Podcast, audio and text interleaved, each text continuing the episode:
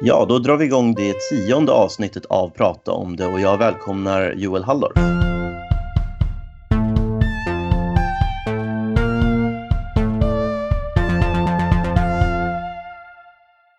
Tack så mycket. Du är lärare vid eh, Enskilda högskolan i Stockholm, eller lektor vid Enskilda högskolan i Stockholm och eh, skribent i tidningen Dagen och Expressen. Precis, det stämmer bra. Och eh, du har skrivit en del kring eh, liberalismen och eh, mening och eh, Mm. vad ska man säga, dess oförmåga att, att leverera det. Mm, precis. Det började med ett lilla korståg mot liberalismen. började med en, en när eh, de här demonstrationerna var mot Donald Trump precis när han skulle liksom Eh, eh, sväras in. Minns du det? Då gick man ur huset. Ehm, 2016, 17 där. Och då så eh, tänkte jag ungefär att jag var, var var ni när, när Hillary eh, skulle, skulle väljas? Varför kunde ni inte mobilisera då? Varför kan ni bara mobilisera mot någon och aldrig för någon? Och eh, då skrev jag en text i Expressen som fick rubriken eh, Liberalismens tomhet banade väg för Donald Trump. Eh, och så svarade Johan Norberg på det och så svarade jag på det och fram och tillbaka några turer. Och sådär. Och, men, men då var det just den aspekten som stod i centrum att så liberalismen blir politiskt svag för den säger så här att alla, alla, får, alla ska få göra vad de vill. Och då så... Det, alla ska få rätt att göra vad de vill. Och då om man har en fiende, typ eh, liksom kommunism, apartheid eh, eller nazism för den delen, då kan, man, då kan man bli väldigt stark och slåss emot den här fienden. Men sen när man har vunnit, då liksom springer alla till sitt eget hörn och gör sin grej. Och då säger en del liberaler det är det som är poängen. Och då säger jag att det där är liksom... Här har vi ett problem som vi borde tala om. Så Mm. det var någon slags här, första gången jag, jag, jag började skriva mig in i den här frågan. Eh, och sedan så, så har det liksom utvecklats därifrån till att bli också komma in på saker som inte var nya för mig då men som har med människosyn och vad människan är för, för, för typ av hur människan fungerar som moralisk varelse egentligen. Det, det är ju, antropologin ligger kanske ännu mer i centrum av min liberalismkritik eh, idag då, synen på människan. Just det. Men här, eh, det, det här korstågets början kände jag faktiskt inte till. Eh, även om jag har hört samma kritik mot både motståndet mot Donald Trump då eh, och eh, mot liberalismen. Alltså att den har så att säga segrat ihjäl sig. Mm, precis. Och då att det blir också en inneboende tendens hos den att, att automatiskt segra ihjäl sig när den väl har vunnit. Ehm, Precis, och det, det finns ju någonting där i att, att människan inte riktigt nöjer sig med att bara vara, vara sitt individuella projekt, sitt livsprojekt. Alltså, på något sätt, den liberala drömmen är ju på något sätt the pursue of happiness och att, att få eh, liksom lägga ett, ett bra livspussel och att eh, göra karriär och leva ett bekvämt medelklassliv. Men människan verkar ha en vilja Eh, efter någonting mer, en dimension till i tillvaron. Och, och, och på något sätt så blir den... Och, den här, och det här vet vi att det är någonting ganska, ganska riskabel materia. Och många kan säga då att ja, men politiken ska inte ge den här, den här dimensionen till. Politiken ska inte vara existentiell på det sättet. Men det ställer i alla fall frågan till liberalismen. Vad gör man åt det här? Eh, ja, hur, hur hanterar man den här svårigheten och, och det här problemet? Och det, det tror jag är en fråga som, som liberalismen mm, behöver hantera. Och jag tycker man ska kanalisera energin mot ett lokalt engagemang. Det, det är ju det är så att säga mitt, mitt svar någonstans i detta. Right, right. Um, nej, men jag tror jag förstår ungefär. Men du skrev ju också en artikel i Expressen som jag tror har blivit mer eh, omtalad på sistone. Där, Mm. Där du kommer in på just mycket av det här. Och, kan man, man kan sammanfatta kritiken där ungefär som att liberalismen försöker förverkliga oberoende eh, och Mm. att det inte är tillräckligt så som du då säger. När, när man inte står, står utan fiende eller klart syfte så, så kan det skapa ensamhet och rasera gemenskaper. Och eh, du uttrycker där en vilja också att, man, eh, att politiken kanske borde utgå från, från personer snarare än individer. Alltså individer som i mer isolerade enheter precis. kan man säga. Ja. ja, men precis. Jag gör en ganska skarp åtskillnad mellan individ och person. Det är inte alla som eh, har det filosofiska vokabuläret. Jesper Alin som du hade till exempel på podden här, ni diskuterade det lite. Eh, men men alltså för, mig, för mig är det så här att liberalismen som politisk ramverk är helt okej. Okay. Alltså det, det, och om vi med det räknar då en Eh, liksom de demokratiska rättigheterna eh, och hela den grundstrukturen i samhället, mänskliga rättigheter och demokratiska rättigheter, demokratiskt system, eh, det, det är bra och viktigt. Mm. Problemet är att om liberalismen går från att vara det politiska ramverket till att bli en livsfilosofi för människor, en ideologi som man lever hela sina liv efter, också privat, då får vi ett problem. Och då kan man säga så att det är, det är, inte liberalismens tanke att det ska bli så. Utan liberalismen vill ge alla människor rätt att finna sin högre mening och finna sin livsfilosofi. Men det finns ändå någonting i det liberala sättet. Det, det, det liberalismen säger till oss det är så här. Följ lagen och gör vad du vill. Mm. Det, det, är det enda, liksom, det enda politiska budskapet som liberalismen har. Eh, och eh, det här fungerar bara Eh, menar jag och menar jag i den här artikeln, om människor har en ganska stark liksom, etisk kod, om de har sådana saker som en arbetsmoral, eh, om de har solidaritetstankar, eh, om, de, om de väljer att prioritera liksom, det saker som är uppenbart bättre än andra, till exempel att engagera sig i Amnesty och Röda Korset eller Hembygdsföreningen för den delen. Eh, snarare än att sitta inne och spela tv-spel. Och det här måste de då få någon annanstans ifrån. Och därför måste liberalismen hela tiden knyta an till andra ideologier. Eh, och gör mm. den inte det så får vi problem. Eh, men, men det verkar idag så, det här är min kulturella analys, mm. att liberalismen går ifrån att vara ett politiskt ramverk som, som säger detta till att också bli en livsfilosofi för människor där de säger jag följer mitt hjärta, du har ingenting med det att göra. Ingen kan säga till mig vad som är bättre eller sämre utan jag måste själv hitta min egen väg. Och, och vi tänker oss självförverkligande ofta på ganska eh, liksom, ja, ytliga sätt kopplade till konsumtion och karriär och sådana saker. Och här ser jag eh, ett problem. Så där jag ser att den politiska liberalismen inte heller har, har så mycket att göra för att hantera de problemen. Just det, Nej, men jag tror jag förstår. Jag tror att vi kanske är överens om en del också kring, jag tror till exempel kanske inte heller att liberalismen i sig som den politiska ideologin eh, kan lösa det här på egen mm. hand. Mm. Eh, men sen så vet jag inte i vilken grad det är det, det, behöver bli en eh, livsfilosofi på det sättet. Men vi kan väl titta lite grann på det. Eh, du, skriv, du skriver i den här artikeln då en del om att just det behövs en stark etisk kod eh, för att det här ska fungera. Mm. Och även då att liberalismen förväxlar frihet med oberoende. Mm. Är du inne på.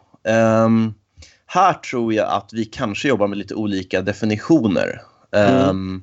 Jag kan citera bara lite kort vad det var. Eh, du, skriver till exempel, för, för, för det första är möjligheten att göra vad som faller in inte detsamma som frihet. Fråga vilken mm. alkoholist du vill. Frihet är förmågan att göra det goda. Och frihet mm. kan då inte skiljas från etik. Om det reduceras till det jag för stunden vill så gör det oss till slavar under de grekerna kallade personerna, våra infall och begär. Det är det du var inne på precis då. Precis. Och det här går ju tillbaka, eller liksom, det här kan ju relateras på olika sätt. Men eh, ett sätt att förstå utifrån Isaiah Berlin, 1900-talsfilosofens distinktion mellan positiv och negativ frihet. Där liberalismen jobbar framförallt med negativ frihet. Frihet mm. från restriktioner. Men däremot inte säger vad vi ska göra med vår frihet. Och, och det är så att negativ frihet är viktigt i samhället. Staten ska inte tvinga människan att göra det goda och staten ska inte förbjuda det onda eller förbjuda eh, det destruktiva i, i, i för hög grad åtminstone. Alltså, såklart, stöld och mord och sådana saker. Eh, och det finns också i den kristna traditionen. Jag är ju teolog så jag jobbar ju i dialog med den kristna traditionen hela tiden. Där, där man säger att människan inom hela Bibeln är ju fri att göra allt möjligt. Allt ifrån att äta av liksom, kunskapens träd eh, till att man håller på och mördar och, och vad säger man, ot, bedriver otukt i, liksom, i hela Gamla testamentet och våldtäkter och allt möjligt som sker. Eh, så människan är ju liksom fri i den meningen eh, att göra fel. Eh, men men det, det, det är inte samma sak som den, den sanna friheten. Den sanna friheten är i kristen tradition att ha kunskap om det goda och ha förmågan att göra det goda. Det är, det är friheten i positiv mening. Då kommer frihetsbegreppet i kontakt med en etisk förståelse. Ehm, och då handlar människan, som jag ser det, i enlighet med sin natur. Jag delar den synen som många liberaler har, att människans natur i grunden är god. Ehm, men, men människan är, har också en dragning till eh, det dåliga, det, det negativa. Ehm, så, men, men djupast sett, när vi gör det goda, när vi agerar dygdigt, så är vi i kontakt med vår allra djupaste natur. Så ser jag på det. Okej. Okay. Um, ehm, jag tror det kanske är här som skillnaderna kommer in. Um, ja, liberaler, eller de som är åt det libertarianska hållet, som jag till exempel, är väl ofta inne mer på, på den negativa um, frihetsdefinitionen. Men om jag förstår mm. det rätt så skulle du väl mm. även vara inne på att, att du har frihet att göra det goda eller inte göra det goda. Men att du ska ha då, alltså det goda ska vara en valmöjlighet. Eh, kan man tala om frihet ifall du inte har den här valmöjligheten så att säga mellan de här olika alternativen? Nej, det är en bra fråga. Eh, och, och, det kan man ju inte. Eh, och, och, och, i kristen tradition har ju det här att göra med att, så att säga, det högsta målet är ju kärlek. Och kärlek vet vi ju, det kan vi ju inte så att säga det, det, är förknippat med frihet. Vi kan inte köpa en människas kärlek. Vi kan inte tvinga någon att älska oss. Och det är samma i relationen mellan människa och människa och mellan Gud och människa också för den delen. Eh, så det är för att möjliggöra det, det, liksom det högsta goda som är kärleken som, som, som, som friheten måste vara måste också innebära en frihet från tvång och restriktioner i, för hög grad. Då. Eh, men, men i det här så, så, så då måste man jobba på ett annat sätt och tänka på ett annat sätt i samhället. när man... För jag tror inte att en, en stat, jag vet inte vad du säger om det här, ska liksom eh, agera helt riktningslöst. Vissa beteenden är att föredra framför andra. Eh, och de, de, måste staten på olika sätt Eh, liksom, eh, gynna. Och nu gör vi det. Så arbetslinjen är ett sånt sätt, en sån sak till exempel då, i Sverige. Och, och så där, med arbetslinjen och att vi vi har de här jobbskatteavdragen som gör att vi ekonomiskt gynnar att jobba jämfört med att stämpla. Då, för att vi tycker att, för att jobba har ett bra samhällsekonomiskt. Och man, kan, man kan agera liknande. Liksom, liksom ta ett exempel som kommer få mig att låta mycket mer konservativ än vad jag själva verket är. Men det är att man adlar människor. Att man har adlat människor i framförallt i England då, i modern tid. Eh, har ju varit ett sätt för samhället att markera det här är liksom någonting eftersträvansvärt. Det här är en modell. Eh, så här skulle fler agera. Eh, så, så man kan ju jobba med olika typer av lyfta fram förebilder eller nudging av olika slag för att uppmuntra ett, eh, ett bra beteende men ändå inte tvinga fram det. Mm. Ja, jag tror jag förstår. Jag tror vi kan komma in på um, skillnaderna i hur vi, hur vi ser på statens roll uh, senare. Det, jag tror att vi kanske är överens till viss del. Jag tror jag är ganska så mycket mer riktningslös än många liberaler. så. Uh, uh. Det var, jag, jag, har inget emot i sig att man sänker skatter på arbete men det, däremot fanns det nästan någonting religiöst i hur man talade om arbete och liksom att, att det är det högsta syftet som ska främjas uh, överallt. Och mening och sammanhang och allting som religionen traditionellt ger menade Moderaterna Ja, just det. Precis. Arbetet skulle ge. Det var, det var väldigt, jag håller med, det var väldigt talande så. Jag vill också säga, liksom, så och, och, och, och det här är också så här, alltså eh, frihetsbegreppet som kopplat till en starkt etisk kod. Där vill jag också bara lägga till att det är ingen slump heller att, skulle jag säga, att liksom, liberala demokratier har vuxit fram i, i länder där det har funnits en stark eh, liksom, eh, moralisk kultur och också en demokratisk kultur. Och, och, det tror jag också är viktigt att se att, att det har funnits den här samklangen mellan en, en, en kultur med, med en stark moral och möjligheten att utveckla en, ett eh, politiskt liberalt system. Men vi inte har sett motsatsen när vi har försökt att införa den politiska liberalismen i Afghanistan, i Mellanöstern, i många afrikanska länder där man inte haft den demokratiska kulturen så har det varit mycket, mycket svårare att gå den vägen. Utan du måste börja med, med, en, med en demokratisk kultur och den kommer någon annanstans ifrån. Då. Så det tycker jag också liksom är någonting som, som man borde tänka efter lite kring. Mm. Ja, nej, men för att avsluta eh, hela frihetsdefinitionsdelen så tror jag i så fall kanske inte att det, det det är den största källan till oenighet. Jag tror inte heller att frihet i sig är en garanti för att valen och utfallet så blir bra. Jag ser det mer som en, en nödvändig förutsättning så att säga. Men du verkar i huvudsak vara inne på samma linje förutom möjligen lite, lite nudging då åt, eh, åt det håll som ger rätta val. Men att den här EC-koden då kan erbjuda det. Precis. Um, jag tänkte bara, när vi ändå är inne på, på det med, med den riktningslösa staten så så var det en sak jag tänkte fråga om. Jag undrar om skillnaden, om det finns en skillnad i hur mycket liberalismen blir ett projekt, så här, livstidsprojekt på det sättet. Om du skiljer på socialliberalism och den mer liksom, klassiska liberalismen eller libertarianismen. Mm. Socialliberalismen kan ju till exempel, den, den kan ju verkligen nästan gå ut för att förverkliga helt oberoende från gemenskaper. Alltså att staten ska, ska, ska garantera ditt oberoende så att du inte liksom, måste förlita dig på din familj eller att du, sådana skillnader styr individen eller vad det kan vara. Medan liberalismen är mer ute efter just negativt oberoende och bara att individen har, har rätt att besluta det här. Men att de kan leva i liksom, mer kollektiva livsstilar ifall det är vad som passar. Tycker du, I vilken grad träffar din kritik eh, de här inriktningarna olika, tycker du? Ja, det där är en bra poäng. Alltså, jag har inte tänkt på det. Men för, för att det, det, det, du beskriver i första med socialliberalismen det är ju mer den så svenska statsindividualismen egentligen. Man kan, mm. man kan se det kopplat till det att du, du har staten är den enda gemenskap och, och, eller staten skyddar dig så att du kan vara helt individ. Men det stämmer ju.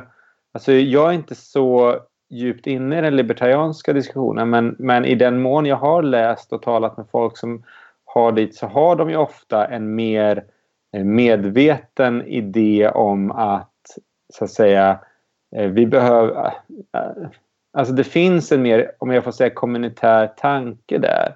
Bara att man är väldigt tveksam. Man menar att de, de gemenskaperna uppstår när staten drar sig undan så att säga. Om staten lämnar åt oss själva att organisera vår barnomsorg och vår liksom, snöröjning och kanske till och med vår liksom, lokala sjukvård. Då kommer vi göra det genom de här gemenskaperna.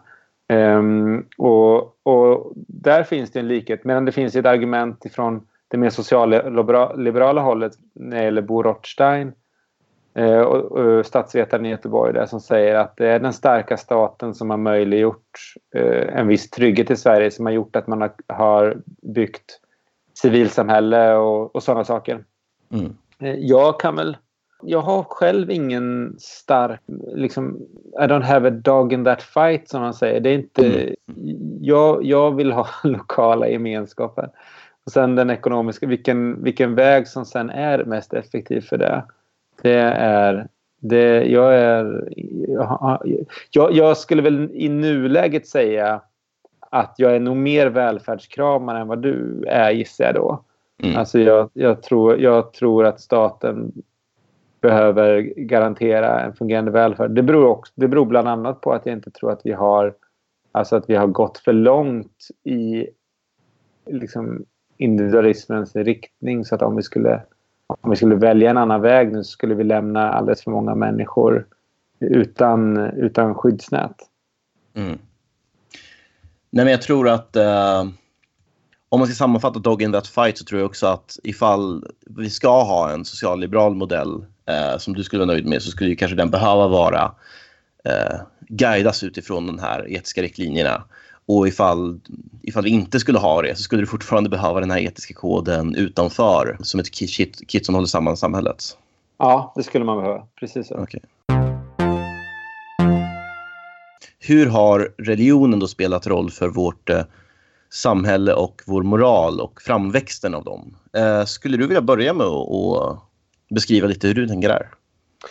Ja, det, man kan ju börja den historieskrivningen på lite olika platser. Men om vi börjar från början i den kristna traditionen i alla fall så, så det finns ju i, i, i upplysningstraditionen en idé om att eh, eh det antika Rom och Grekland det var liksom högkulturer av fantastiska personligheter, stor kultur, filosofi, litteratur, konst och sådana saker. Och sen kom den här då eh, primitiva läran från ett hörn i romarriket och eh, genom sin liksom, eh, sentimentala kärleksetik och dogmatism och sådana saker så segrade de då. Det var Swinburne som skrev eh, Thou has conquered pale Galilean and the world has grown grey by your breath. Ah. så det var liksom, och så, så tyckte ju Voltaire och Edward Gibbon och många av de här upplysningstraditioner som också den liberala går tillbaka på. Att, så att säga, kristendomen kraschade eh, liksom festen. Eh, de förstörde romarriket och så. Eh, och, och, när man tittar historiskt så måste man ändå se så här att ja, men, romarriket var ett brutalt klassamhälle där bara vissa människor tillerkändes eh, någon slags människovärde. Det var slaveri man kunde sätta ut barn. Det var, eh, det var underhållning i form av blodiga gladiatorspel.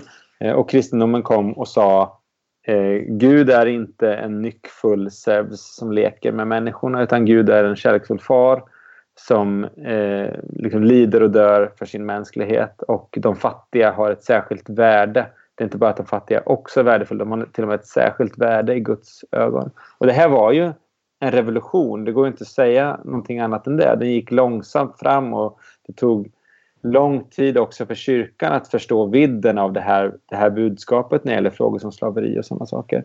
Eh, men det la ju om kursen för, för kulturen, för den västerländska kulturen. Och det visar ju eh, Larry Sidenhop eh, i sin fina bok The Inventing the Individual. Hur, hur det har sina, det här liksom individualismen då har sina rötter i kristendomen.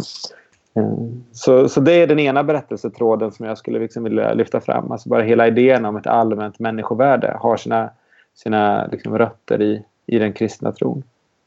Judisk-kristna tron.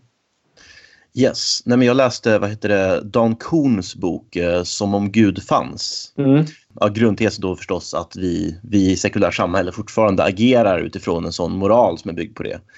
Ehm, men där menar jag också, han är också inne på det här med att, att människovärdet så att säga grundläggs i den traditionen och att det mm. också var det som upplöste klansamhällena som egentligen alla levde i innan dess. Att det här blev då ett sätt att hitta någon, någonting som var större än den, det som familjen och för, förfäderna eh, spelade för roll. Och också, han är till exempel inne på att Abraham lämnade sin far i den historien. Och att Jesus eh, budskap gav utrymme åt individen, liksom många andra bibliska berättelser. Skulle du, skulle du hålla med om den biten? Ja, men precis. Jag håller med på flera sätt. Alltså, dels så har vi en väldigt stark eh, eh, idé om det allmänna universella människovärdet idag. Eh, men, men det är ju inte riktigt kompatibelt med vår, liksom, hur vi förstår människan i övrigt. Eh, alltså man kan säga så här, så kristendomen och judendomen och islam också för den delen säger ju människan är skapad i Guds avbild, därför har hon ett unikt och okränkbart värde. Och det är ju en sats som är så att säga logiskt koherent. Mm. En, en materialistisk perspektiv säger människan är skapad, människan är ett djur bland andra djur. Därför har hon ett unikt och okränkbart värde. Ja. Och den satsen är inte koherent. Eh, och, och där, där, har, så att säga, där finns det ett problem som inte så många eh, Eh, vill eller eh, vågar ta i. Ser man en sån författare som Yuval Harari som har skrivit Sapiens och Homo Deus och lite andra böcker som har varit väldigt omtalade så säger han ju det här rakt ut. Och det finns en yngre generation av intellektuella som akademiker som gör det. Att så det här håller inte. Den, den, idén om människovärdet som vi bekänner oss till den är pseudoreligiös och det är inte kompatibelt med vad vi vet och vad vi säger inom naturvetenskap och inom biologi och sådana saker. Och I den meningen har ju Dan Kuhn helt rätt. Alltså det här är en av de grundteser som vi har i vårt samhälle som är religiösa och bygger på en slags gudstro trots att vi inte säger att vi tror på Gud. Då. Mm. Den biten var riktigt intressant. Den kommer jag behöva, behöva fundera på mer. Eh, många av de här principerna bakom liberalismen är ju så pass allmänmänskliga. men ja, du kan i alla fall inte grunda det i naturvetenskapen. Det är säkert. Nej. Nej, men precis. Uh, och, och, och, och, vilka tänker du på där som viktiga liksom, liberala principer? För de är ju också, skulle jag säga, alltså man kan härleda rätt mycket. Alltså frihetsbegreppet är ju inget, det är ju också, alltså, det har ju, skulle jag säga, med frihetens roll i den kristna traditionen att göra. Som ju inte är någon självklarhet alls. Utan många samhällen har ju varit mycket mer hierarkiska och det gäller både indiska och de muslimska samhällena och så vidare. Så det finns Absolut. ett slags släktskap där. Ja, nej men jag har en ganska klar idé om var jag tror etik kan komma ifrån men eh, jag kanske kan spara den lite grann bara. Okay. Um, jag får hållas på halster. Absolut. Uh, jag tänkte bara fortsätta lite grann med kristendomens historia här, för vilken roll den faktiskt har spelat. Dan Kuhn är inne mer på att också upplysningsmoralen byggde mycket på kristendomen. De moderna idealen som växte fram där då vi faktiskt omsatte människovärdet i att ja, politiska lika rättigheter och mänskliga rättigheter eh, bygger på tron i stor utsträckning på kristendomen. Den biten är du också med på. Ja, men jag håller med, eh, jag håller med om det i, i väldigt hög grad. Det är, det är Schopenhauer som säger detta, filosofen, om, om sin eh, landsman Immanuel Kant. Att, att Kant, eh, som ska då eh, komma fram till en moral som är helt och hållet rationell, eh, slutar med att säga att den mest rationella eh, moralen det är den liksom, tyska småborgerliga protestantism som han själv växte upp med. Då säger Schopenhauer att Kant är som en man som, som går till en maskeradbal och så flörtar han med en okänd kvinna vid balen och sen så när de ska ta av sig maskerna så inser han att det är hans fru hela tiden. Och så kan man säga om upplysningsmoralen också att det, man, ska, man ska hitta det här nya och spännande då. Men, men i själva verket så visar det sig då att eh, det, det, är så att säga den man har varit gift med hela tiden. Det, det är då i det här fallet eh, kristendomen, kristen moral som upprepar. Så ja, nej, men jag, jag håller med. Och det, är, det, är, det, är, det, och det säger Nietzsche också. Mm. Nietzsche säger samma sak om upplysnings... Och det är hans kritik då, att det är en slags eh, pseudo... Nej, och Dan Kuhn är inne på, på Nietzsches tolkning också i, i sin bok. Um, men det jag undrar över då är... Den mest bibelvänliga tolkningen kan man säga av upplysning då är att de värderingar som tog form var logiska steg från kristendomen och striden mellan vetenskap och religion var egentligen, alltså att det behövde vara en strid var, var ganska mycket av en chimär. Och att den här bilden som kom av det som ett motsatsförhållande var det största problemet. Mm. Jag är enig med rabbinen i allt. Ja. ja. Eh, det, det trodde jag. Men jag, jag, undrade just kring upplysningsmoralen innebar ju fortfarande en förändring och, eh, och den demokratisering och så som följde sen. Ja. Uh, hur mycket, vad ska man säga, vilka nya saker var det som tillfördes genom den och var de på något sätt vad ska man säga, fristående eller originella tankar från ja, hur tron hade funkat dittills? Ja, det är en bra fråga. Alltså det, för att om man ska fortsätta historieskrivningen från där jag började så att säga med, för 2000 år sedan och människovärdet så, så sker det ju någonting väldigt radikalt och drastiskt på 16, 17, 1800-talet. Eh, och det är ju eh, separationen mellan kyrka och stat. Eh, för att det är ju så att eh, kyrk, vi har ju haft en enhetsstat under eh, drygt tusen år, där sedan Konstantin, 1500 år. Eh, och det har ju inneburit att kyrkan har ju teologiskt ehm, eh, hållit, eh, skapat homogenitet i samhället. Och hela den politiska teologi som underbygger det, eh, den kan man säga mycket om. Den är ju, den är ju eh, komplex, men det handlar ju i korthet om att hela samhället ska vara inriktat på att eh, eh forma goda kristna. Mm. Eh, och det behövs för själens frälsning och för människans, eh, för samhällets stabilitet. Så har man, så har man tänkt då. Så där finns ett ganska ett ganska liksom, stort mått av tvång. Kanske inte riktigt så stort som vi föreställer oss idag för man har inte alls de kontrollmekanismer eh, som vi har idag. Men, men där kommer ett antal rörelser eh, och talar om att just friheten att få tillbe och dyrka och, och, och söka sanningen på sitt eget sätt är avgörande. Och här ser man ju att här är ju den radikala franska upplysningen i, i sekulär form så att säga en av dem. Och sen den brittiska som är mycket mer tydligt eh, protestantisk. Eh, den tyska också för den delen. Eh, och sedan så har vi alla de här frikyrkorna. Eh, baptismen, pietism, puritanism tidigare anabaptismen från 1500-talet. Som, som före upplysningen i många fall driver de här sakerna som samvetsfrihet, frihet eh, mellan kyrka och stat och sådana saker. Så även här finns det kopplingar, men det är klart här blir bilden mycket mer komplex. Mm.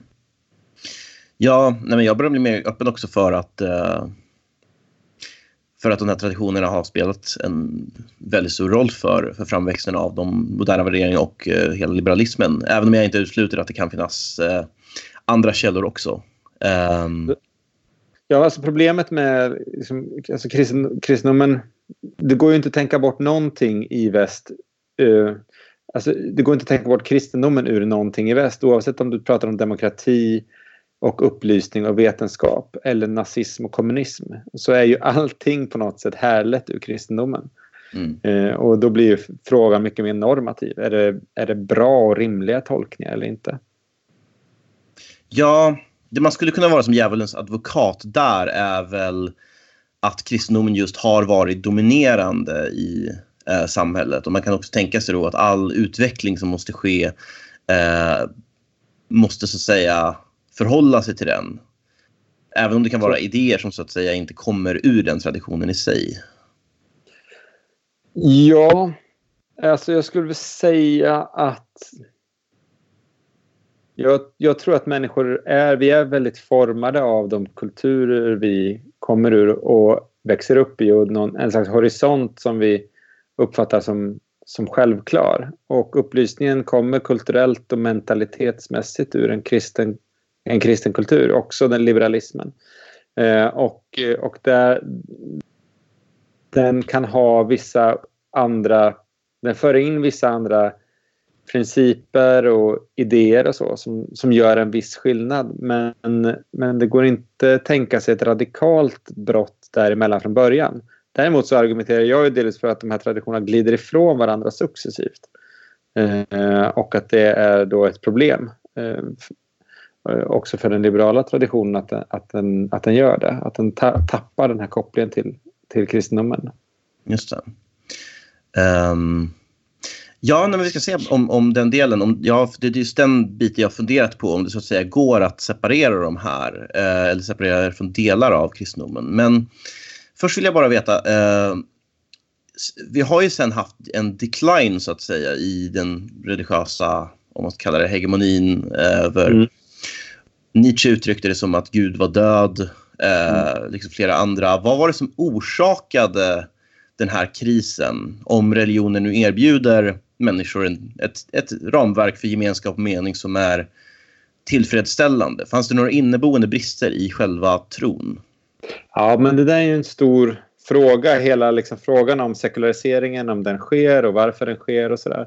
Jag tror att ett par saker är, är viktiga att se här. Dels så tror jag att man måste förstå att kristendomen, eh, kyrkan eh, blir mm, delvis, eh, eh inte, alltså tappar i moralisk trovärdighet. Det är en liksom lång process som har att göra med liksom renässanspåvarna och Luthers kritik av dem med deras, deras utsvävningar och allt annat än kristna leverne. Religionskrigen på 1600-talet. Även om man kan säga att det var annat än religion så, så fanns det ändå där. Det, det finns en eh, växlande känsla av att liksom, makten och rikedomen har korrumperat kyrkan och kyrkan inte lever som hon lär. Och där kan man ju se att mycket, alltså, i, i den kristna föreställningsvärlden så har ju ateisten alltid varit en väldigt omoralisk typ. Alltså det är, det är någon som tror att Gud inte finns och därför så är allting tillåtet och den gör vad som helst. Den bilden finns ju hos Dostojevskij och hos många andra. Mm. Ehm, men i själva verket om vi tittar på det så är det så om man säger medvetna ateister är ju ofta väldigt moraliska. Ehm, det, är liksom, det talar av lite egen erfarenhet men det, jag, tycker, jag tror man kan säga det här liksom, alltså de jag mött, men jag tror man kan säga det generellt. Alltså om du, folk som har en medveten ateistisk synpunkt har också ofta en ganska stark moral, höga moraliska ideal. Och det tror jag har att göra med att ateismen är väldigt mycket inte bara är ett säga, intellektuellt uppror mot kyrkan utan också ett moraliskt uppror. Man tycker inte att kyrkan har varit moralisk nog och man vill överträffa kyrkan i etik och moral. Um, och, och det, så det är den ena, den ena strömmen som, som gör att kyrkan får de här, eh, tappar i trovärdighet. Den andra saken som sker där det är ju att kring 1900 så när demokratin och parlamentarismen växer fram så, så tar statskyrkorna eh, i Europa, i Sverige, England, Frankrike, Tyskland ofta sida för den gamla regimen, alltså för monarkin och eh, liksom adeln och, och det gamla klassamhället. Och där tappar man också i trovärdighet. Och nu är det, frikyrkorna fångar ju upp mycket av detta. För de är demokratiska gräsrotsrörelser och de kan fånga upp människor som vill vara både moderna demokrater och kristna. Men, men statskyrkorna eh, tappar jättemycket där. Och vi ser också det tredje, en generell pluralism där man kan vara kristen och vissa fortsätter vara det. Men man kan också bekänna sig till en politisk ideologi. Man kan också bli en konstmänniska och man kan också bli en vetenskapsmänniska. Eh, så det finns flera sådana här identiteter som tillhandahålls människorna i, i Västeuropa eh, från 1900-talets början och de blir då konkurrerande. Så att antingen är du en liksom konstperson som går på museer på söndagarna eller så går du till kyrkan. Eller antingen är du då socialist eller så blir du kristen. Och sådär. Det finns såklart de som håller ihop det, till exempel frisinnet i Liberalernas tradition. Eh, men, men det blir mycket så antingen eller. Så där är liksom tre stycken förklaringar till vad, hur man kan se på den här utvecklingen. Okej, okay, jag förstår. Nej, men, eh, jag tror att även eh, Dostojevskij är väl inne på den här konflikten mellan kyrka och den liksom, rätta, riktiga tron. Eh, bland annat i då, Ivans eh, dialog och med hans, hans Jesusberättelse. Just det. Eh, med Joshua. Eh, just, just, det, just det. Men eh, jag, jag, tror jag förstår. Men du ser det inte som nödvändigtvis någonting negativt att den här mosaiken liksom, eller valmöjligheterna finns tillgängliga? Eller pluralismen? Nej, det gör jag inte. Jag tror att det är en, en, en nödvändig del av ett, ett... Kristendomen jobbar inte med tvång utan med attraktion. Eh, och däremot kan jag ju tycka att det, det är synd att, att inte fler har uppfattat att liksom, kyrkans erbjudande har varit tillräckligt attraktivt eller tillräckligt begripligt eller eh, hur det nu har varit. Mm. Det kan jag tycka, men, men att, att liksom religionsfriheten och friheten att välja, välja till och välja bort, det uppfattar jag som, som grundläggande. Ja, jag förstår. Det blir en form av måste kunna utmanas ifall, ifall människor eller kyrkan felar. Uh, Exakt. Exakt. Nej, men det är bra. Det tror jag vi kan också, ja. ja, där har kyrkan också lärt sig väldigt mycket av upplysningstraditionen och, och den kritiken var ju helt rimlig på många sätt. Som kom ifrån Voltaire och andra. Uh, så, så det är också viktigt att se. Yes. Nej, men jag blir väldigt glad när du säger att eh, medvetna ateister tenderar att vara väldigt moraliska också. Uh, du känner igen dig? Försöker. Nej, men eh, framförallt ödmjuka. Men eh, vi, jag tänkte komma in på, på en eh, motsättning som jag ser och där vi kanske kan komma in på vad, vad vi inte kanske är överens om. Um, en till möjlig förklaring då uh, som har att göra med liksom, den vetenskapliga re revolutionen. Mm. Um, det finns ju en del som talar väldigt metaforiskt om Bibelns budskap och kristendomen, till exempel Jordan B. Peterson, mm. eh, nästan utslutande. Jag menar ju att som jag uppfattar det så är inte, så är inte det bara metaforer i så som religionen har, och tron har, har fungerat genom århundradena. Liksom. Mm. Um, men att det då kom delvis i clinch med liksom, den newtonianska världsbilden. Alltså mm. att, att, religionen som förklaringsmodell och som skapelseberättelse blev mycket mer ifrågasatt. Liksom, eller metafysiken bakom det. Och man började tänka sig ateismen som liksom mer en hypotes uh, mm. om, om hur världen ser ut så. Yeah. Och Det jag funderade på då är just um, hur religionen så att säga klarar sig om gudstron inte klarar sig i samma grad som tidigare. Just det. Med liksom vetenskapens utmaning på något sätt. Ja. Ja, men precis. Ja, men det finns ju någonstans är ju en, en av de här urmyterna i, i upplysningsberättelsen om världen är ju att Eh, eh, kristendomen, alltså det är den här konflikten mellan Galilei och kyrkan. Eh, där, där Galileis, eh, där han upptäcker om hur planeterna rör sig och så underkänns av kyrkan och så. Eh, det där, är ju, det där är ju, reflekterar ju mycket mer än så att säga, maktkamp inom katolska kyrkan och hur Galilei positionerar sig i den än att man har något problem egentligen med hans upptäckter. Eh, och Bengt Kristiansson Uggla har skrivit bra om det här att det, det, det, det, det går inte, många internationella forskare, det går inte att göra den här distinktionen utan första universiteten var kyrkliga och det sker en vetenskaplig eh, eh, utveckling inom dem som den, det vi kallar den vetenskapliga revolutionen är en, är en del av och sker i kontinuitet med. Sen när det gäller om man säger skapelseberättelsen, det där är, det där är en bra och viktig fråga. Eh, alltså, det är klart att många kristna har uppfattat att eh, jorden är 6000 år, att eh, den skapas på sex dagar och att Adam och Eva är namnet på de två första människorna och de bor i en trädgård och så vidare. Och så vidare. Man har uppfattat det mycket bokstavligt. Eh, men det är ju så att redan Origenes på eh, 100-200-talet och Augustinus som är de två liksom, tunga bibelutläggarna i den kristna historien under senantiken eh, är ju väldigt tydliga med att den inte ska läsas bokstavligt. Mm. Eh, och, utan att det, det, är en annan typ av berättelse. nu, nu, nu, fanns det ju inte naturvetenskap i vår mening där och det fanns ju absolut inte den kosmolog kunskap om kosmologi och fysik på den tiden. Så det är på ett sätt märkligt att de säger så. Men de är ändå väldigt tydliga med att det här är inte liksom berättelser som ska tolkas bokstavligt. Mm. Um, och, det, och det gör ju att när, när det väl sker um, den utvecklingen eh, som vi kopplar till Darwin framför allt så finns det ju, är det ju inga problem att gifta ihop en naturvetenskaplig världsbild med Big Bang och så med kristendomen utan det är faktiskt så att det är en katolsk präst som kläcker Big Bang-teorin medan en, en, en eh, av hans, eh, Frederick Hoyle heter han väl, hans ateistiska kollega är väldigt kritisk och menar att det här är bara en from föreställning som den här prästen har fått fram för att det ska stämma bättre med med hans skapelseberättelse då, var det ljus och så smäller det till och så vidare. Eh, så att det är ju absolut så att det har funnits ett motstånd. Att det har funnits en föreställning om att det ska läsas bokstavligt. Där har du rätt. Eh, men det är också så att det är inga problem. Det finns inget innebo, ingen nödvändighet i den här konflikten. Ingen nödvändighet att läsa det eh, symboliskt. Så skulle jag säga. Just det. Nej, men eh, Big Bang-teorin är ju ganska ointuitiv så. Jag vet att det var en stor konflikt kring dens trovärdighet från början.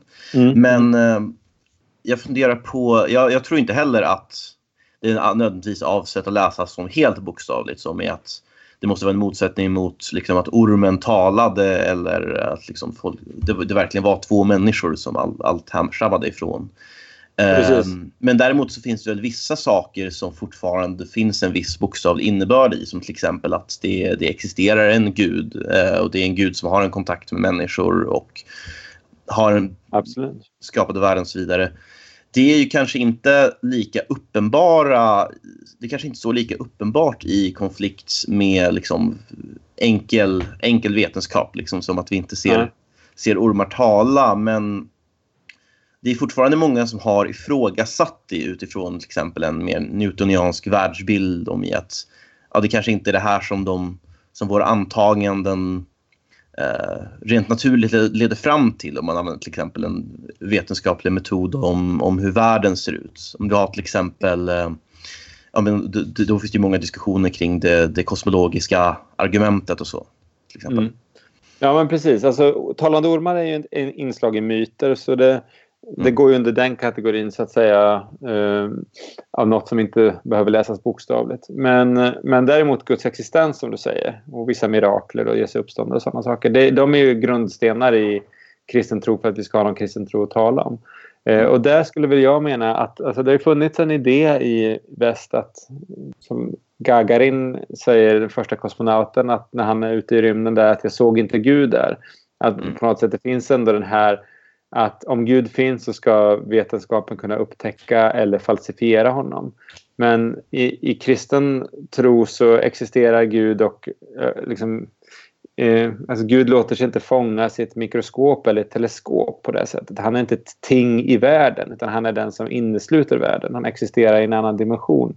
Så det ska liksom inte vara tillgängligt på det sättet. Och det föreligger heller inte någon konkurrens mellan vetenskapliga upptäckter och, eh, och gudstexten. Så, så, och så har ju ibland också eh, liksom, kristna apologeter argumenterat utifrån vad man kallar ett God of the Gaps-teori. Mm. Jag vet inte om du känner till den? Jo, det är liksom precis. Idén. Alltså, det, det, som vi inte kan förklara än, ja men där är Gud då. Eh, och det är ju dömt att misslyckas. då kommer vetenskapen snart kunna förklara det och så flyttar Gud liksom ytterligare ett steg bakåt. Så, ja, så, det här blir snarare en God of the Margin eller något sånt där. Ja, precis. Det är väldigt... Eh, precis, God, precis så. Men jag skulle säga att Gud är i och genom allting. Men tränger inte undan någon naturlag eller någonting. Utan verkar i och genom, genom allting som är. Det är, det är liksom den världsbild som präglar liksom... Tänk på alvernas magi. Läser du Tolkien? Ja, jo, det, det har jag läst. Den är väl ganska nästan... kraftigt inspirerad av. ja, just det. Men där är ju liksom så här. Alvmagin är ju någonting som bara så här, kan genomsyra en värld utan att du riktigt kan sätta fingret på den. Eh, när de kliver in i Lothloriens skog där till exempel. Eh, eller Vattnadal för den delen. Och, och så det, det, Tolkien var ju katolik då. Uh, det, det, är ju, det, det, är ju en så, så, kallad sakramental världsbild. Det, finns där. Det genomsyrar verkligheten. Men det är inte så att du kan liksom sätta fingret på den och säga exakt där är den. Uh, mm. ja. ja, jag förstår. Um, det är lite mer... Uh, låter lite åt det mer panteistiska eller deistiska hållet. Ja. Uh, men det är fortfarande så att Gud har satt igång det här. Absolut. Och det trodde ju Newton också. Han var ju, han var ju liksom nästan fanatiskt religiös. Han, mm. trodde, han var ju okultism och sådana saker. Ja, ja. Uh, nej, men uh, i så fall så...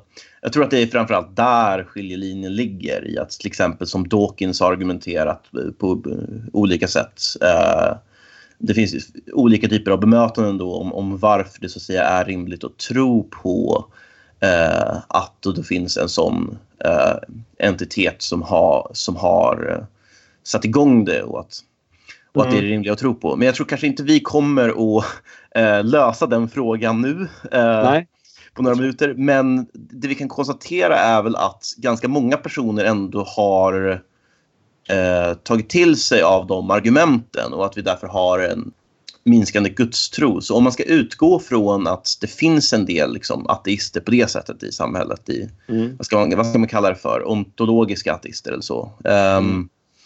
Kan de värderingarna som religion har burit med sig klara sig utan den gudstron? Ja, det är en jättebra fråga. Jag, skulle, så jag sa förut så är många ateister är mycket, mycket um, um, moraliska. Mm. Eh, jag är liksom inte så här jätteorolig för liksom vännerna i humanetiska förbundet. Nej, vad heter Humanisterna heter de eh, i Sverige. Eh, så, det var Christer Sturmark som var tidigare. Så.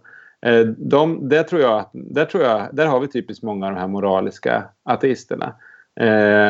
En del kanske lite... Ja, jag, har väl, jag har ju mina invändningar där också i fråga om dödshjälp och sådana saker. Så, men Däremot så jag är mer tveksam till den här traditionens förmåga att alltså, vet, det är ateismen som ideologi.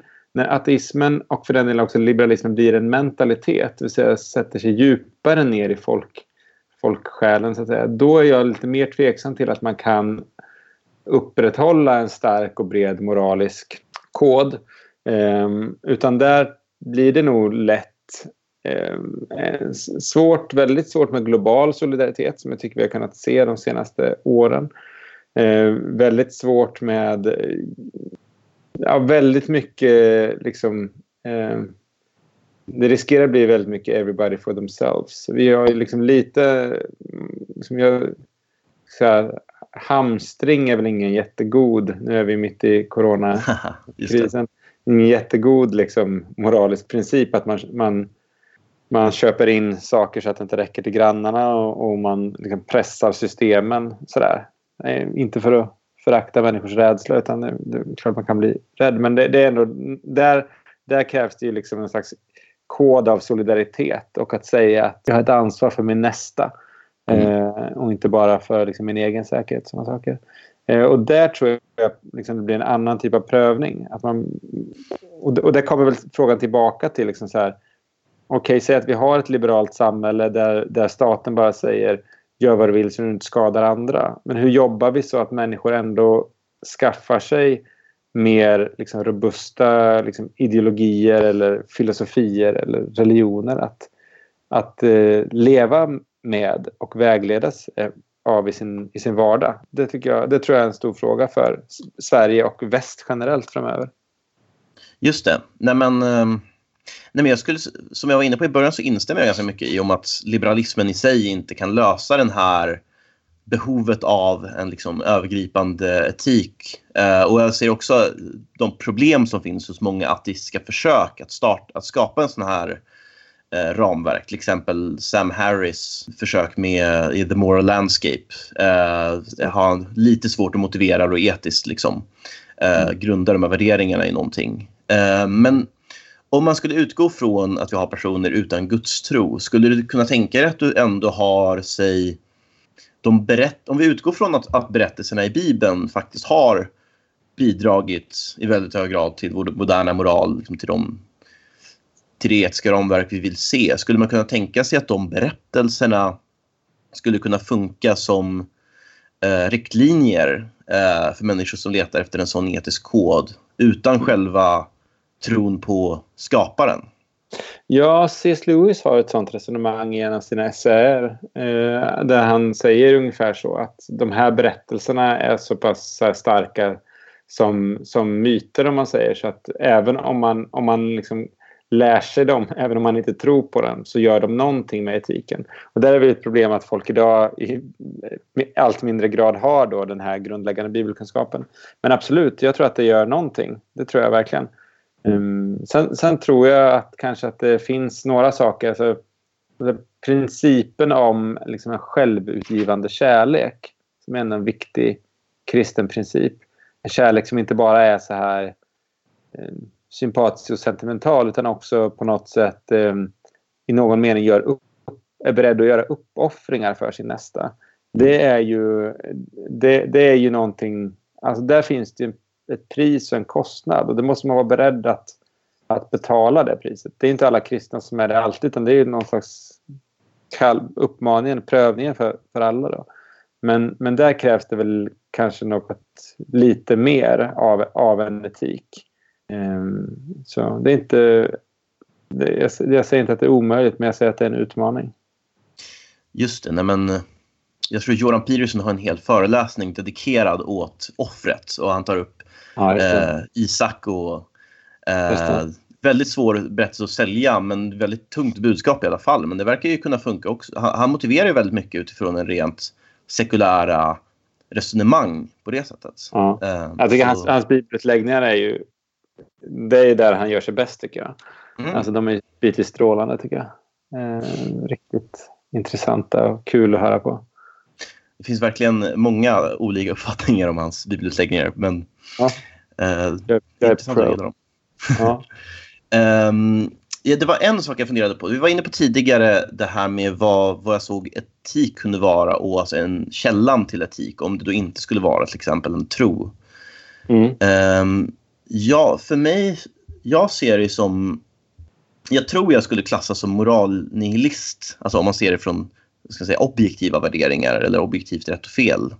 Jag tror mm. att etikens så att säga, rötter är, är moraliska instinkter som har utvecklats hos oss eh, evolutionärt förmodligen. Och att vi sen då har, ja, men, så, som då eh, empati, eh, kärlek, omsorg och så vidare. Men att vi då har också de kanske sen har vidareutvecklats genom, genom civilisationen och även kristendomen med liberalismen med mera. Mm. Um, så jag ser det som där att du kan bygga ett etisk kod så länge de så att säga, står i samklang med de här värderingarna som de flesta har. Um, genom till exempel eh, de kristna berättelserna eller, eller på något annat sätt.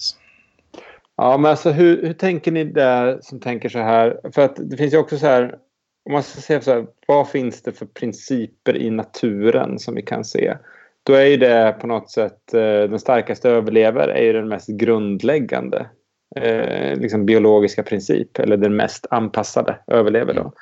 Eh, och det är ju en princip som för in i eh, eugenics och eh, liksom inte till ett samhälle där man värnar de, de funktionshindrade och, och, och sådär. Eh, alltså, hur, hur ska en sån princip kunna härledas? Eh, alltså en, en, en, en princip som är solidaritet med de svaga. Hur ska mm. en sån princip kunna härledas ur naturen? Det har jag inte riktigt förstått. Ja, nej, jag tror absolut inte man borde upphöja naturen eller evolution till liksom, eh, till något ideal på det sättet. Eh, mm. Jag tror inte till exempel att det, du kan hitta värderingar i hur bara alltså, att det ser ut så här så därför bör vi göra så här i hur mm. människan ser ut eller så. Och, eh, hela det evolutionära spelet egentligen tycker jag blir mer och mer ointressant för, för människor när, de väl, när vi väl når en grad av civilisation som är idag. Jag menar, är vårt största mål liksom i livet att vi ska skapa så många liksom, genetiska eh, avkomlingar som möjligt liksom, för att sprida ut oss? Eh, jag, jag, vet inte om det, mm. om det är vad människor liksom strävar efter eller vad vi... Eh, Men blir det då, växlar man över till någon slags Eh, liksom, ja, vad kommer den moraliska principen ifrån då när vi får ett mer civiliserat... Då kommer den inte från människans natur längre. Ja, vi talar ja. om någon slags impulser. Ja, precis. Jag tror så att vi har de här impulserna. Och vi, vi beter oss fortfarande på det här sättet. Så därför så finns det då utrymme sen att bygga eh, ett samhälle eller liksom en kod för uppförande eller, eller moraliska regler utifrån de här känslorna vi har om att till exempel det är fel att, att orsaka onödigt lidande. Och det är eh, Ja, men det är ju... Och, så vidare. så, um, och att du sen då kan, kan bygga upp regler utifrån att vi har de impulserna. Sen så kommer det då förstås finnas undantag. Det finns människor som kanske inte har naturlig, naturliga mm. empatikänslor och liknande. Och då, det blir förstås ett problem för alla samhällen att hantera. Men då, då får man ju tänka sig att de de samhällsmedlemmar som har de impulserna får, får liksom bygga regler och också eh, enforca de reglerna eh, i viss mån. Men det blir ändå... Ja, men det, man kommer tillbaka till... För, för, för, jag ser det ju som att...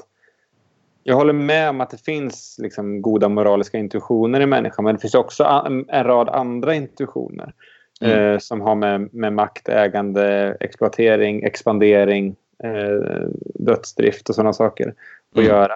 Eh, och eh, man behöver en... Eh, liksom, den, den kristna traditionen tillhandahåller ett sätt för mig att, att eh, liksom, urskilja vilka principer som är goda, mest naturliga, som är de här, och vilka som är dåliga. Och det är väl där som jag liksom kan tycka att det blir liksom det, det, det, saknas den där liksom dubbla checkpointen. Där. Jag, jag håller med om att de goda intentionerna du hänvisar till finns men jag, men jag förstår inte enligt vilken princip du egentligen skiljer dem från alla de dåliga intuitionerna. Mm. Är det liksom, ja, vad, är det, vad, är, vad är det man sorterar med hjälp av? Det är, det är en bra fråga. Jag tror att um, det är därför du kanske behöver eh, den sorts moral som har så att säga, förädlats genom kristendomen och eh, på andra sätt. Att det alla impulser vi har eh, liksom i ett naturtillstånd är inte, leder kanske inte fram till ett optimalt samhälle men att det gradvis har utvecklats. Jag tror mm. att många av de religiösa berättelser som de har uppstått har kunnat ge gehör just för att de appellerar till vissa sidor av eh, de här eh, instinkterna. Men att de sen också har varit ex extra framgångsrika och att de religioner som har så att säga, lyckats också har varit de som har byggt harmoniska samhällen utifrån det här. Mer harmoniska än de som var innan. Ja, ja men det håller jag med eh, det, det, finns någonting, det finns någonting att säga för det, absolut. När vi faktiskt ska utforma relationell politik. Det. Eh, det här är din modell för hur man eh, skulle kunna tillämpa det här sättet att se på personer snarare än individer och, och vägleda människor mer. Hur skulle du säga att det här skulle kunna se ut i praktiken eh, som ett politiskt program? Ja, precis. Nej, men grundidén är då att människan är... Eh, människan betraktas som man säger, juridiskt från en myndighetssynpunkt som, som individ i meningen att hon är lika inför lagen och sådana saker. Samma, samma skyldigheter, samma rättigheter i princip. då.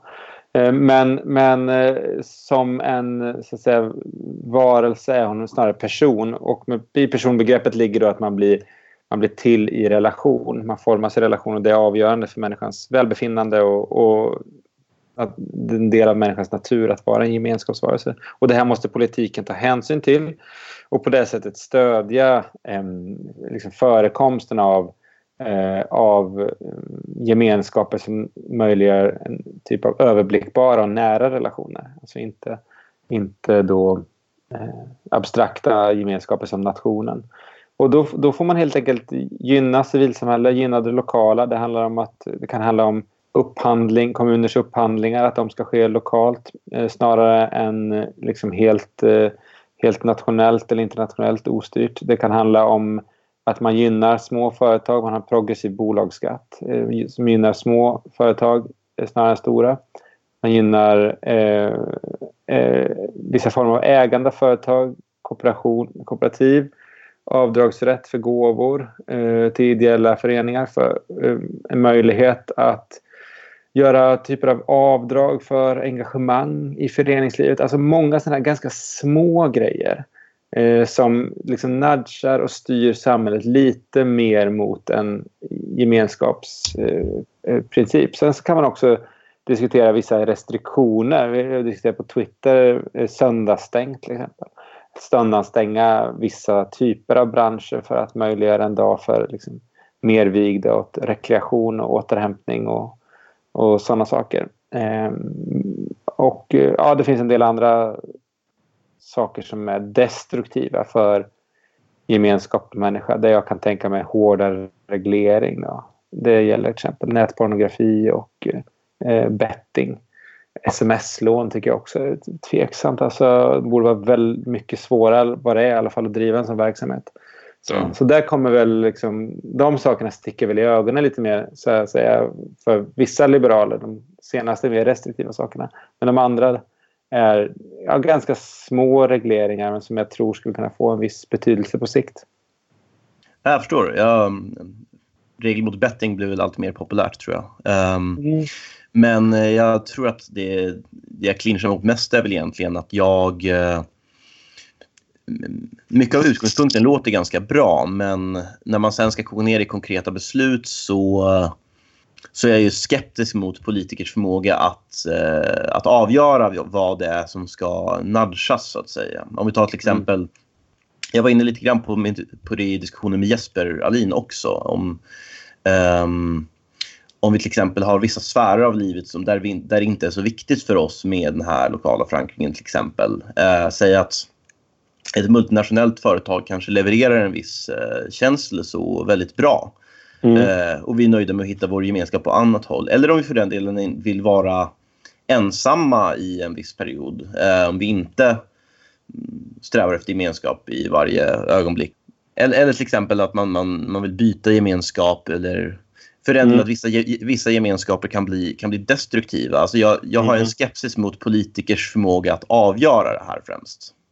Ja, men alltså för det första kan man säga så här att det sociala ingenjörskapet från politiskt håll genom, genom statsindividualism och eh, har ju varit ganska framgångsrikt får man säga. Vi är ett väldigt individualistiskt land liksom enligt World Value Survey och så. Mm. Eh, och, och även en sån, ett sånt ingrepp som pappamånader i föräldraförsäkringen har ju också haft en väldigt, väldigt eh, effekt i enlighet med vad politikerna har önskat då att eh, pappor, fäder är hemma mycket mer. Så att Mm. man kan ju styra beteenden i önskad riktning i ganska hög grad.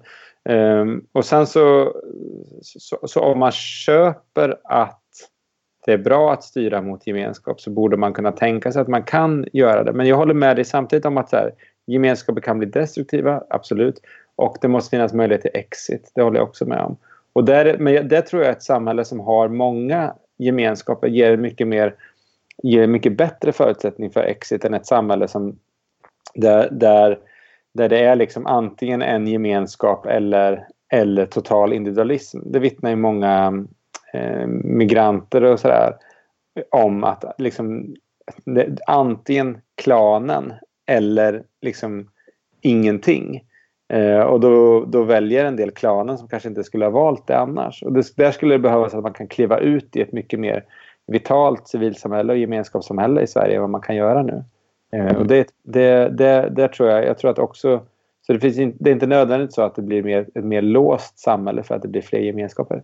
Men människor ska vara med i min utopi så är liksom människor med i, inte bara i en gemenskap utan i tre, fyra, fem eh, gemenskaper. Typ facket, församlingen, någon, några föreningar och sådär. Så att man, man, man är inte innesluten i en enda exklusiv utan man är del i många. Och då blir, får man ett mer dynamiskt samhälle. Just det, men det sista håller jag nog med om.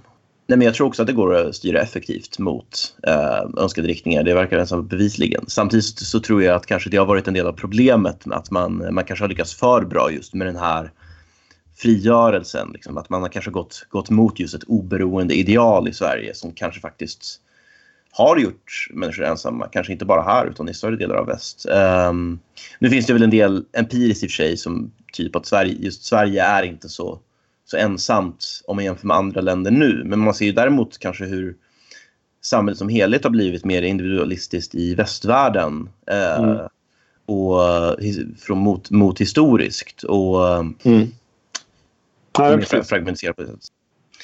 De här gemenskaperna som eh, är rätt lokala som, som du tycker men eh, skulle man inte också kunna ha möjlighet att söka sig till till exempel internationella gemenskaper nu när vi har en mer globaliserad värld och så?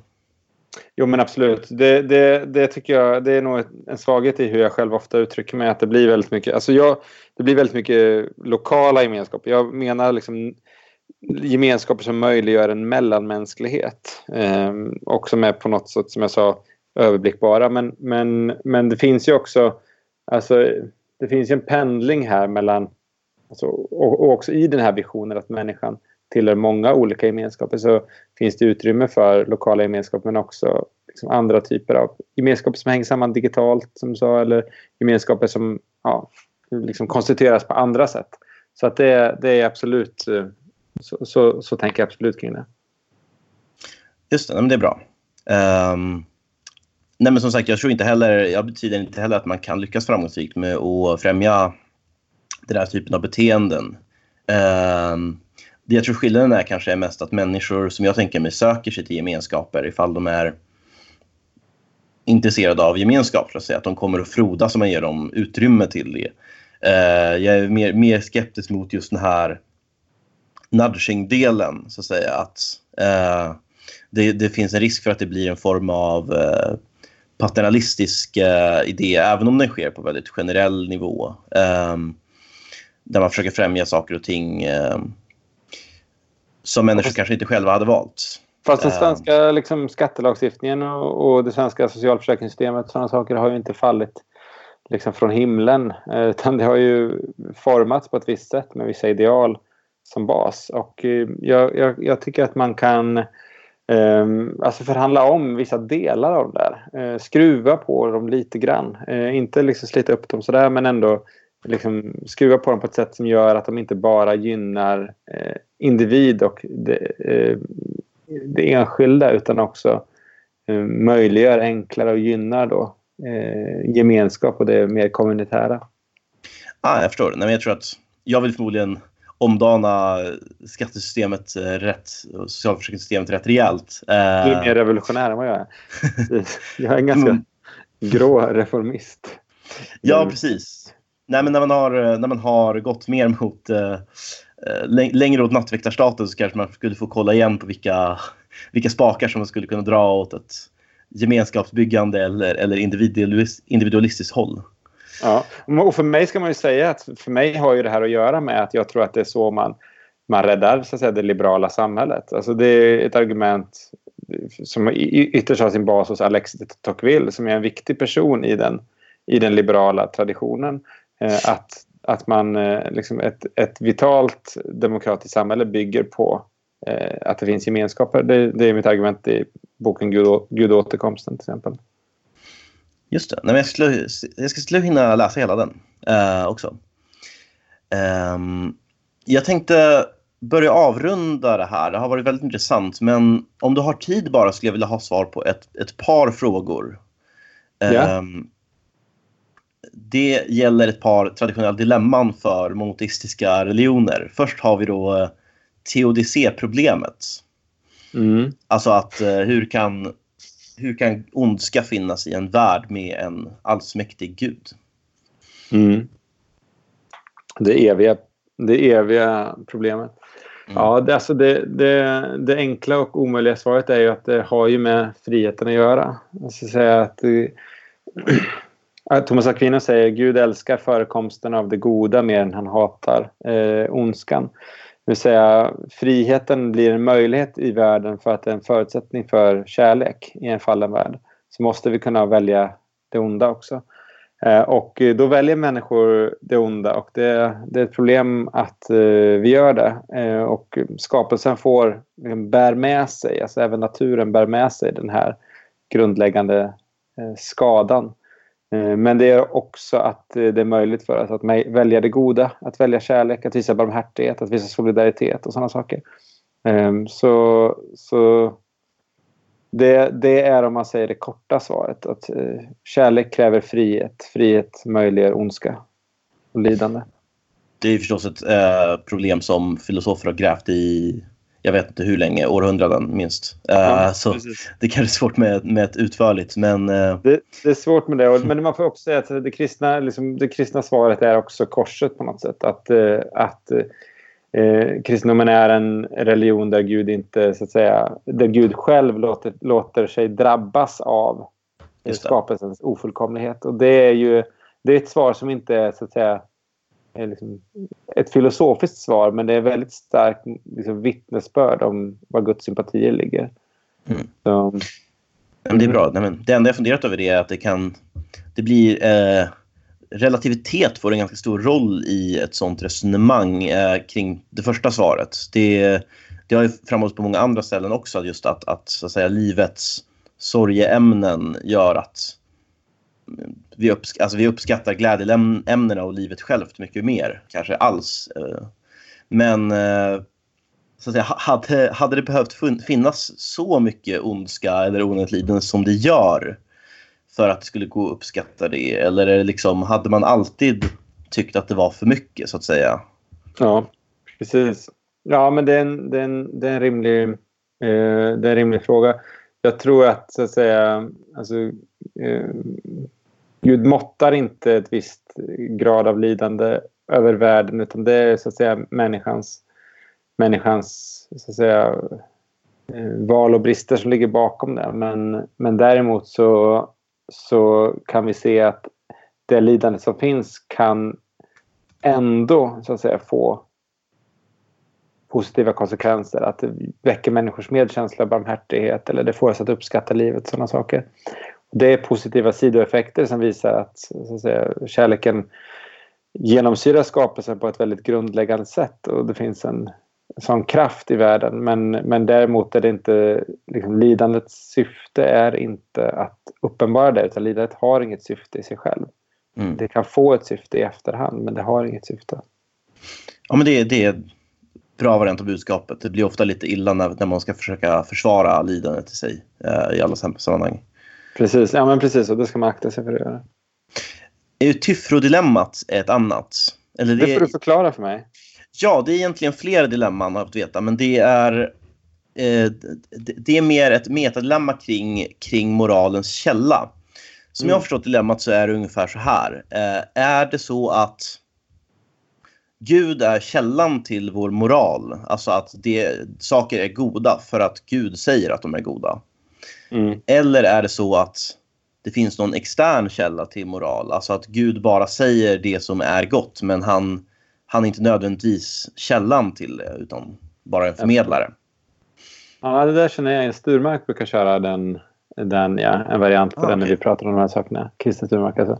Eh, ja, jag har aldrig riktigt förstått vad problemet är. Alltså, men, men det är, så här, så här, Gud är ju... Guds egenskaper sammanfaller ju med det moraliskt goda. Liksom, om, varje god platonist eh, säger ju det, det sanna, det rätta, det sköna är liksom tre egenskaper hos Gud.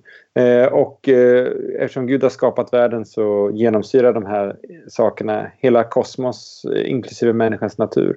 Så att vi har förmåga att, att upptäcka det överallt och genom upptäckten av det ledas mot Gud.